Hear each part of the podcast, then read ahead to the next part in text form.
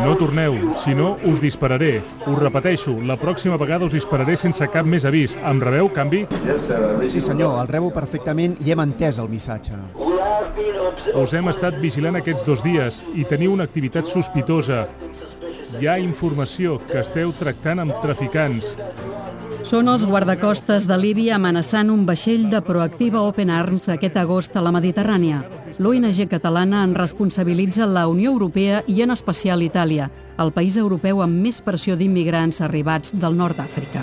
Eduard Rubió, corresponsal de Catalunya Ràdio a Roma. El que es voldria a Itàlia és arribar a un acord tipus com el que s'ha fet a Turquia, donar um, diners a Líbia perquè imposi una, un estat de vigilància i no hi hagi aquest trànsit. I ara pues, sí, hi ha la idea de que bueno, ja l'ONU intervindrà, eleccions i tot això, però són tan diferents la part occidental i els interessos tan diferents en la part oriental que al final això no, no, no s'arribarà a aquest compromís a que sigui realment efectiu.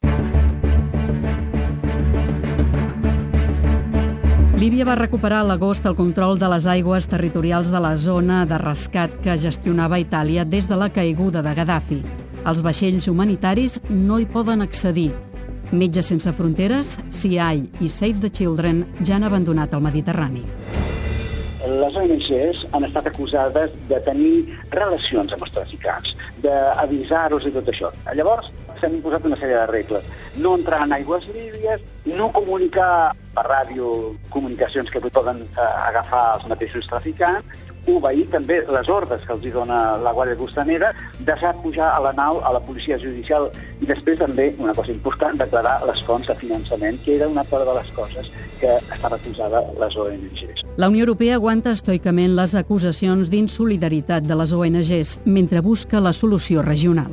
Emmanuel Macron, president francès. Poder-los donar seguretat tan aviat com sigui possible i donar-los aquest asil començant el procediment en territori africà.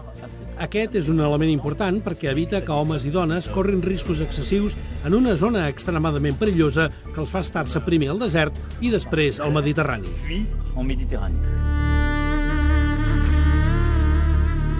Líbia és un estat fallit des que Gaddafi va caure amb la primavera àrab del 2011. El govern de Trípoli, patrocinat per l'ONU, gairebé no controla ni el territori de les seves milícies. Mustafa El Sahesli, president del Programa pel Desenvolupament i la Reintegració de Líbia. Líbia, en les condicions actuals, no pot aturar la immigració il·legal si no s'utilitzen detencions irregulars, maltractaments, violacions dels drets humans. Així que la solució passa per ajudar Líbia a reconstruir les seves institucions. Aquest caos esdevé un infern pels refugiats. Jean-Peter Estelema, responsable d'operacions de Metges Sense Fronteres a Líbia. People are kept like animals. La gent està tancada com si fossin animals, en instal·lacions, magatzems, edificis vells que mai s'han dissenyat per allotjar persones i on no hi hauria d'haver persones.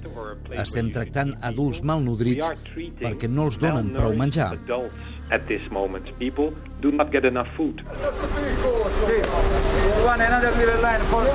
Les xifres baixen, però les morts continuen. Segons l'ONU, 117.000 immigrants han arribat a les costes europees des del gener, menys de la meitat que fa un any, però 2.400 s'han ofegat en l'intent.